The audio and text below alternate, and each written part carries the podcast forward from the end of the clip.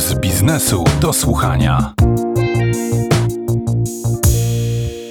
Profesor Jerzy Langer od lat ma porównanie poziomu polskich naukowców do ich kolegów z Europy. Obecnie jest członkiem grupy doradczej Europejskiej Rady do Spraw Innowacyjności przy Komisji Europejskiej, a także jest prezesem Towarzystwa Naukowego Warszawskiego. Uważa, że trzeba szukać najlepszych wykładowców na świecie, ale radzi, żeby nie od razu jechać za granicę. Zapytałam go najpierw, jak w międzynarodowych rankingach plasują się polskie uczelnie.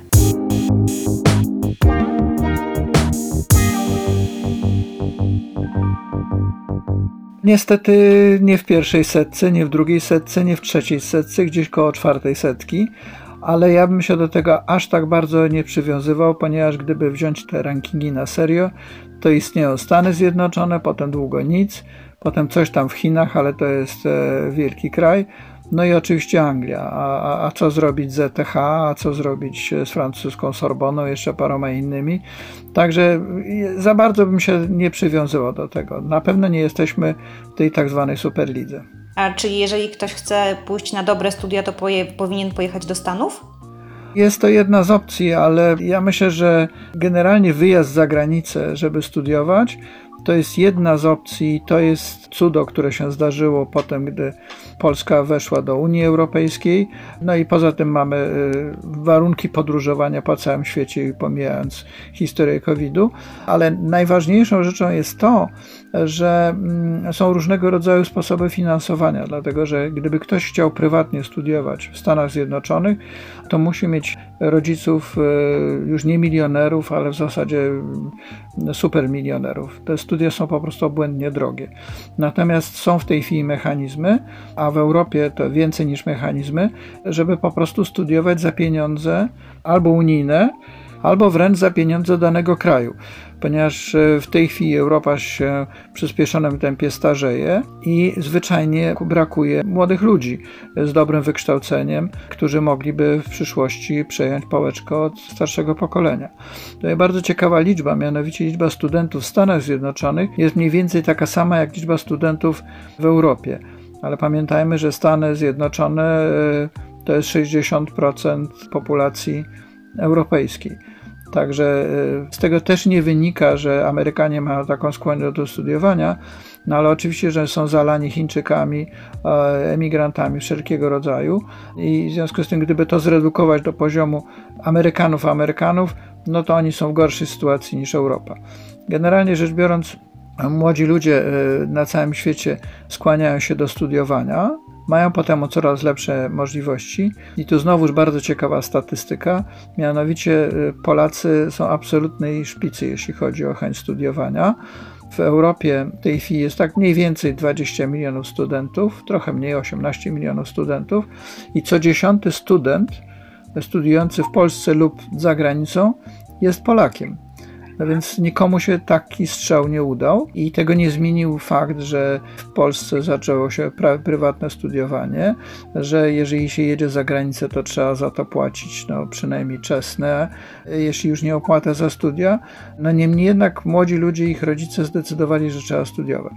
Także punkt numer jeden, Polakom chce się nadal studiować. Mimo tego, że jesteśmy po tym szczycie demograficznym. Natomiast y, gdyby to trafiło na moje dziecko, to bym powiedział tak. Po pierwsze, co chcesz studiować? Po drugie, jeżeli chcesz studiować, to przynajmniej zrób test w Polsce, dlatego że po pierwszych dwóch latach, które są wspólne, to jest dla, dla wszystkich studentów, bo trzeba po prostu wyrównać poziomy. Mniej więcej od trzeciego roku zaczyna się szkolenie czy studiowanie bardziej specjalistyczne. I tutaj się włączają super mechanizmy europejskie, to znaczy na przykład Erasmus. Są porozumienia bilateralne pomiędzy polskimi uczelniami a uczelniami zagranicznymi na wymianę studentów. Poza tym oczywiście można zrobić ruch taki, że się wyjedzie, ale to jest po prostu bardzo kosztowne. Generalnie rzecz biorąc jest dużo możliwości, ale ja bym nie zaczynał swojego życia od studiowania za granicą. A niech Pan podpowie właśnie, jak to zrobić, żeby wykorzystać e, pieniądze krajowe ze swojego kraju lub innych krajów na studiowanie za granicą, jak już po tych dwóch latach ktoś się zdecyduje, że chce wyjechać. Czy to jest tylko Erasmus? Nie, nie, nie, oczywiście, że nie. Erasmus jest to szkoła najprostsza, ale żeby dostać się na Erasmusa, trzeba studiować w krajowej uczelni. Zresztą to generalnie rzecz biorąc. Studiowanie po prostu na zasadzie, ach, mam taki pomysł, a do tej pory zajmowałem się czymś innym i po prostu nie mieć żadnego związku z polskimi uczelniami, to jest droga przez mękę dla superbogatych i szkoda tym sobie zawracać głowę. Więc po pierwsze, trzeba być gdzieś afiliowanym. Następnie wykorzystać albo Erasmusa, albo wręcz posługując się swoimi wynikami dotychczasowymi, skontaktować się z uczelnią na zachodzie czy tam, gdzie się chce wyjechać i szukać stypendiów. Trochę więcej inicjatywy, także to nie jest dane od Pana Boga, tylko trzeba po prostu troszkę popracować i naprawdę się znajduje. Jeżeli ktoś chce w Norwegii studiować, to naprawdę możliwości są ogromne, w ogóle w krajach skandynawskich. Francja także i to wszystko wynika z polityki krajowej. Polska w drugą stronę zaczyna działać, to znaczy zaczyna oferować nie tylko za duże pieniądze studia w Polsce, co więcej, studia zaczynają w Polsce być zagraniczne. Z tym, że znowuż jest istotne pytanie, co ktoś chce studiować. Jeżeli są studia typu studia medyczne, politechniczne, to z natury rzeczy one są bardzo, bardzo drogie, ponieważ proces studiowania jest drogi i to nie chodzi o pensje profesorskie, tylko po prostu wyposażenie. Natomiast, czy laboratoria, czy wszystko. Natomiast w przypadku studiów typu humanistycznych albo menedżerskich, no to to jest wolna amerykanka i, i te opłaty są takie, jakie sobie uczelnia zażyczy, a, a kandydat ile jest skłonny zapłacić. Także tu trzeba od razu powiedzieć, gdzie i co chce się studiować. Czyli mamy zdecydowanego absolwenta liceum, tak, który idzie na studia, po dwóch latach chce wyjechać, ale to trzeba robić zawsze w tym swoim konkretnym już kierunku, czyli już od początku trzeba wiedzieć, co się chce studiować. A czy są takie kierunki, których właściwie nie warto studiować za granicą, bo w Polsce są na tak doskonałym poziomie? To jest dobre pytanie i wszystkie odpowiedzi są niestety złe, dlatego że to oznaczałoby kategoryzację studiów. No, na pewno rzeczy związane z humanistyką i z regionem, no to trzeba jechać tam, gdzie się mówi w danym języku albo dane problemy się rozwiązuje. Na przykład bałkanistyka to najlepiej można zacząć w Polsce, a pojechać e, do jednego z krajów bałkańskich. E, są świetne możliwości.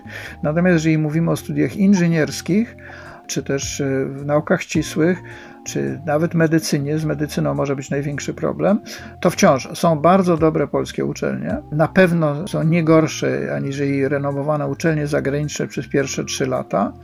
Istotne różnice w poziomie zaczynają się mniej więcej od czwartego roku z prostego powodu, dlatego że to jest związane z prowadzeniem badań naukowych i powiązania ze środowiskiem biznesowym w danym kraju. Otóż i jedno, i drugie w Polsce kuleje.